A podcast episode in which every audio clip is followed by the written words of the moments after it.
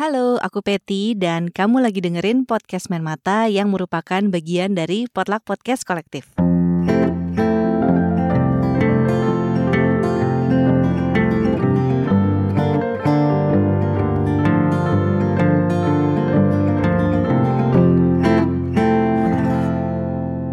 follow di Instagram at Podcast kalau misalnya kamu mau tahu update terbaru seputar kegiatan-kegiatan yang ada di dalam kolektif kami. Oke, jadi di bab kali ini aku mau kembali merekomendasikan satu buku dan bab yang kamu lagi dengerin ini merupakan program spesial Dengar Sastra Bicara. Ini program yang bekerja sama dengan penerbit Kepustakaan Populer Gramedia alias KPG, juga Gramedia Digital, dan 11 podcast buku lainnya. Dengar Sastra Bicara tayang setiap Rabu dan Minggu sampai awal Januari 2022 di Spotify dan siapabilang.com. Langsung aja ya, ini buku yang mau aku bahas. Judulnya Saman. Ini ditulis oleh Ayu Utami. Sebenarnya buku ini tuh terbitnya udah lumayan lama sih ya, dari tahun 1998 jadi kayak udah 20 tahunan gitu sekarang nih. Terus aku juga sebenarnya dengar udah cukup lama, tapi kayak baru akhirnya baca tuh ya sekarang-sekarang ini, tahun 2021. Dan ternyata memang setelah 20 tahunan berlalu, menurutku topik-topik yang dibahas di buku ini tuh masih tetap relevan banget sampai sekarang. Nah, tapi sebelum kita bahas tentang bukunya, aku mau kasih tahu dulu nih, kalau buku ini memang waktu pertama kali terbit ternyata dia cukup menimbulkan banyak kontroversi ya karena memang ini kan ditulis oleh penulis perempuan Ayu Utami dan sepertinya nih di tahun itu belum banyak atau mungkin malah dibilangnya memang belum ada nih penulis perempuan yang berani menuliskan sevulgar ini. Karena kan memang isu-isu yang dibahas di buku ini tuh banyak dan salah satunya tuh seksualitas ya. Tapi sebelum kita bahas itu, aku juga mau kasih tahu dulu kalau buku Saman ini waktu tahun 2000 dia tuh memenangkan penghargaan Prince Claus Award. Ini tuh penghargaan yang diberikan kepada orang-orang dari dunia ketiga yang berprestasi dalam bidang kebudayaan dan pembangunan. Terus juga buku Saman ini tuh memenangkan Sayembara Roman Dewan Kesenian Jakarta tahun 1998. Nah, tadi kan aku bilang topik yang dibahas di buku ini banyak ya. Jadi memang bener banyak dan menurutku cukup ambisius juga sih karena bukunya tuh memang cuma setebal 206 halaman dan itu juga sebenarnya udah sampai halaman penutup gitu. Jadi untuk novelnya sendiri dia berhenti di halaman 200. Dan ini tuh memang bukunya duologi ya, karena ada lanjutannya nih di Larung. Jadi ending yang ada di dalam buku Saman ini menurutku agak gantung gitu karena sepertinya memang harus membaca kelanjutannya di Larung itu. Tapi aku mau bahas Saman ini dulu. Nah, tadi aku bilang topiknya cukup ambisius gitu karena ada empat tema nih yang dibahas di dalam buku ini. Yang pertama tuh dia ngebahas tentang seksualitas dari sudut pandang perempuan. Dan sepertinya ini yang tadi aku bilang kenapa novel Saman tuh cukup heboh waktu awal terbit. Jadi memang di dalamnya tuh ada empat karakter perempuan yang masing-masing tuh punya pandangan akan seksualitas yang cukup progresif lah gitu ya untuk zamannya waktu itu. Nanti bakalan aku ceritain di sinopsisnya ya untuk lebih lanjutnya. Terus topik yang kedua tentang politik. Jadi memang latar terbitnya ini kan tahun 1998. Jadi latar belakang politiknya adalah pada masa rezim Orde Baru. Terus juga di sini tuh mengangkat apa ya bisa dibilang kayak relasi kuasa gitu. Karena ada konflik tuh antara aparat pemerintahan yang pengen mengolah sebuah lahan milik warga menjadi perkebunan sawit yang tadinya tuh sebenarnya perkebunan karet dan di situ terjadi konflik yang berkepanjangan. Kemudian ada juga isu-isu tentang religiusitas dan ini tuh banyak mengambil sudut pandang dari agama Katolik. Soalnya salah satu tokoh utama di buku ini memang beragama Katolik. Lebih tepatnya, dia tuh sempat mengabdi sebagai pastor di daerah pelosok di Sumatera yang nama areanya itu Prabu Mulih. Nah, kalau ceritanya sendiri, buku Saman ini tuh bisa dibilang alurnya maju mundur, dimulai dari masa depan atau masa saat ini gitu ya. Terus udah gitu Akhirnya tokoh-tokohnya itu cerita tentang masa lalu mereka, kemudian nanti di belakang kita akan kembali lagi ke masa kini. Jadi kisahnya ini tuh tentang empat tokoh perempuan yang berputar di dua tokoh laki-laki. Empat tokoh perempuan ini tuh bersahabat dari kecil dan mereka semua tuh mengalami kegelisahan seksual yang berbeda-beda. Dimulai nih dari cerita seorang perempuan yang bernama Laila Gagarina.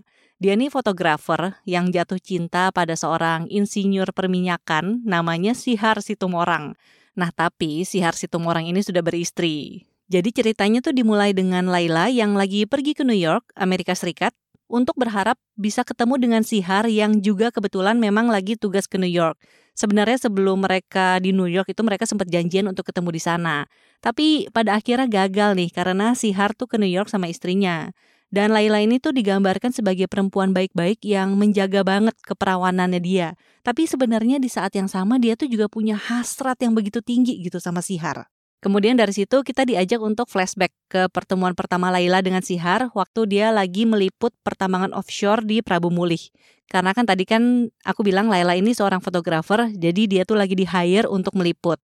Waktu itu tuh di Prabu Mulih lagi mau ada pengeboran gitu di pertambangan. Tapi Sihar tuh waktu itu bilang ke atasannya kalau pengeborannya tuh sebenarnya belum siap. Sementara atasannya tuh ya rese aja gitu, dia bersikeras untuk tetap dilakukan Sementara atasannya tuh ya rese aja gitu, dia bersikeras untuk tetap dilakukan pengeborannya, nggak boleh ditunda-tunda lagi. Tapi akhirnya terjadilah kecelakaan di area tambang dan itu mengakibatkan salah satu rekan Sihar meninggal. Ini tuh bikin Sihar kayak awalnya tuh pengen melakukan perbuatan jahat gitu ya ke si atasannya ini, tapi oleh Laila malah disarankan untuk lewat jalur hukum karena Laila punya satu teman perempuan, ini juga yang menjadi tokoh di dalam buku Saman, namanya Yasmin. Dia nih seorang pengacara dan kerja di lembaga hukum gitu.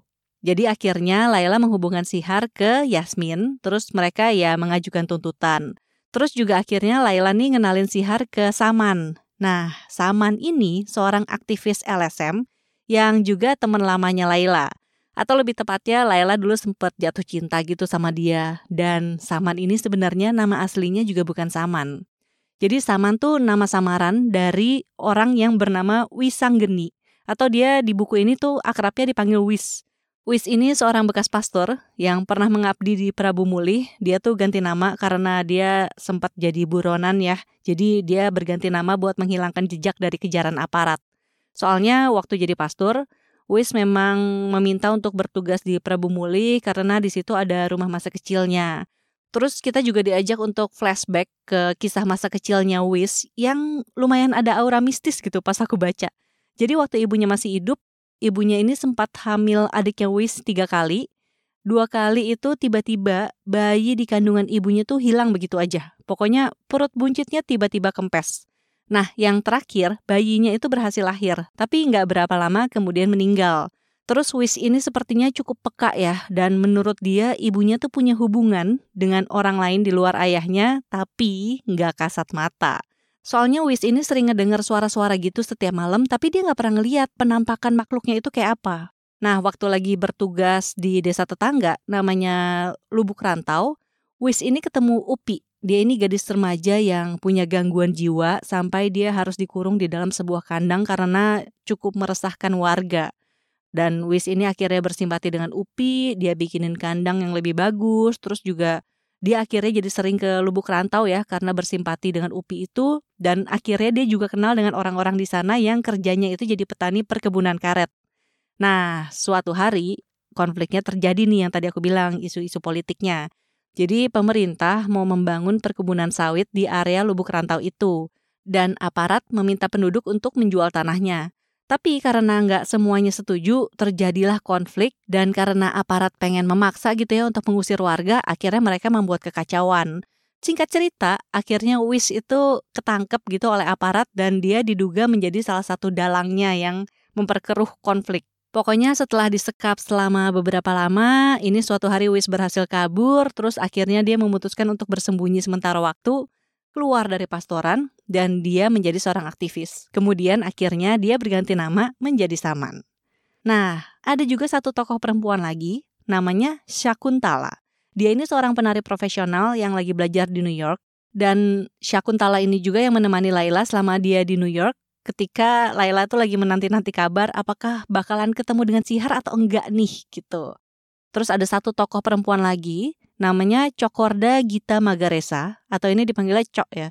Di buku Saman sih sebenarnya porsinya cukup sedikit ya. Dia digambarkan sebagai perempuan bebas yang suka bereksperimen dengan berbagai laki-laki. Terus yang terakhir ada Yasmin Moninka. Ini tuh pengacara yang bantuin Sihar buat nuntut atasannya yang tadi aku ceritain di awal. Dan porsinya Yasmin ini sebenarnya lebih banyak di bagian akhir ya. Yasmin ini digambarkan juga sebagai perempuan baik-baik. Dia udah pacaran dan menikah adem ayem dengan suaminya, tapi ternyata dia punya hubungan dengan Saman. Nah, kurang lebih sinopsisnya seperti itu ya. Jadi memang ini campur-campur gitu kayak yang tadi aku bilang percintaan di antara empat orang perempuan dan dua orang laki-laki yang kemudian dibalut dengan berbagai macam isu. Kalau aku sendiri, aku cukup suka sih dengan bukunya ya. Tapi mungkin karena tadi kan aku bilang ini sepertinya harus dibaca berkelanjutan gitu ya dengan larung. Jadi menurutku endingnya cukup gantung karena belum memberikan konklusi apa-apa gitu. Jadi masih ngebahas tentang pengenalan tokoh-tokohnya dan permasalahan yang mengitari mereka. Tapi meskipun begitu, menurutku bukunya tetap bisa dinikmati karena kata-kata yang digunakan Ayu Utami gitu ya di dalam buku ini banyak banget yang indah. Kalau misalnya istilah zaman sekarangnya quotable kali ya. Dan meskipun disebut memakai gaya bahasa yang vulgar, mungkin karena aku baru baca di tahun 2021 gitu ya. Jadi kayaknya nggak terasa ada kata-kata yang terlalu vulgar atau gimana dan rasanya biasa aja sih. Justru daripada vulgar lebih ke indah sih. Misalnya nih, tentang cinta gitu ya. Ayu Utami menuliskan begini. Saya kira cinta seorang laki-laki pada perempuan atau perempuan pada lelaki juga sesuatu yang datang begitu saja, namun memberi daya yang gemuruh. Memberi kita keinginan menyerahkan tubuh. Bukan persis suatu pengorbanan, tetapi suatu gairah. Juga kekuatan untuk menanggung banyak hal.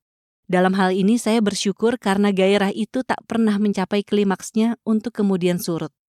Terus aku juga suka sih dengan pandangan-pandangannya terhadap agama gitu ya dan apalagi di sini memakai sudut pandang agama yang cukup familiar buatku karena memang aku kecil dibesarkan dari agama Katolik gitu. Jadi aku merasa senang aja gitu ya ketika membaca ada buku yang mengambil sudut pandang agama ini dan bukan tentang masalah Tuhan Yesusnya atau tentang masalah agama Katoliknya, tapi yang aku suka justru menganut agama atau tidak, sebenarnya yang terpenting itu bersikap humanis aja sih terhadap orang lain dan ya makhluk hidup lain di sekitar. Misalnya nih, ada juga pandangan tentang sifat manusia gitu ya. Di sini tuh ada adegan Wis menulis surat pada bapaknya. Dia meminta bapaknya untuk sesekali membiarkan burung peliharaan bapaknya berdua dengan pasangannya. Namun mungkin kalau misalnya dia membiarkan burungnya itu berdua dengan pasangannya, burung itu ya mungkin nggak akan bernyanyi gitu karena katanya di buku ini memang bernyanyi itu adalah salah satu cara burung buat menarik pasangannya. Ya ini mengingatkanku pada ajaran bapakku gitu mungkin ya karena dia itu orang yang tidak suka melihat burung tuh dikandangin karena burung itu punya sayap dan dia sejatinya ya harus terbang bebas gitu. Dia tuh nggak suka kalau ada orang pelihara burung dan itu akhirnya nurun ke aku juga kayak kasihan ya ngeliat burung di kandang dia harusnya bisa terbang tapi karena keegoisan manusia gitu ya yang mungkin pengen mendengar kicau burung di pagi hari atau mungkin di malam hari atau di sore hari atau entahlah kapan gitu akhirnya burung itu tuh tidak bisa menikmati apa yang seharusnya memang dia dapatkan kan jahat banget ya manusia kalau kayak gitu Kemudian karena aku juga cukup menikmati cerita-cerita horor gitu ya, aku juga cukup menikmati unsur mistis yang ada di dalam cerita masa kecilnya Wes. Tapi yang aku nggak tahu apakah sebenarnya unsur mistis ini berpengaruh ke cerita atau enggak. Karena dia menarik untuk menjaga pembaca terus menikmati cerita, tapi aku sebenarnya agak berharap juga akan ada sesuatu nih yang terjadi berkaitan dengan hal mistis ini, tapi sampai akhir buku belum ada. Nah, nggak tahu apakah di buku larung itu akan ada kelanjutannya atau tidak gitu. Jadi menurutku akan lebih baik kalau misalnya bisa membaca dua buku sekaligus, tapi membaca buku Saman sendiri sebenarnya bisa dinikmati dan susah berhentinya sih. Aku cukup cepat sih sepertinya menghabiskan buku ini sekitar 2 sampai 3 hari ya. Dan buatku sih 2 sampai 3 hari itu untuk buku 200-an halaman itu udah cukup cepat ya untuk paceku. Nah itu aja rekomendasi buku dariku. Kalau misalnya kamu tertarik dengan bukunya, kamu bisa baca di Gramedia Digital, ada versi e-booknya. Atau ya langsung beli aja di Gramedia Official Store di Marketplace untuk buku saman versi cetaknya. Terima kasih sudah mendengarkan. Kalau misalnya kamu suka dengan bab ini, boleh share bab ini ke media sosial kamu ya, supaya teman-teman kamu yang mungkin juga mencari-cari buku ini bisa mendengarkan dulu nih ceritanya tentang apa. Dan jangan lupa follow juga podcast Main Mata di Spotify, kemudian follow juga Potluck Podcast di Instagram @potluckpodcast.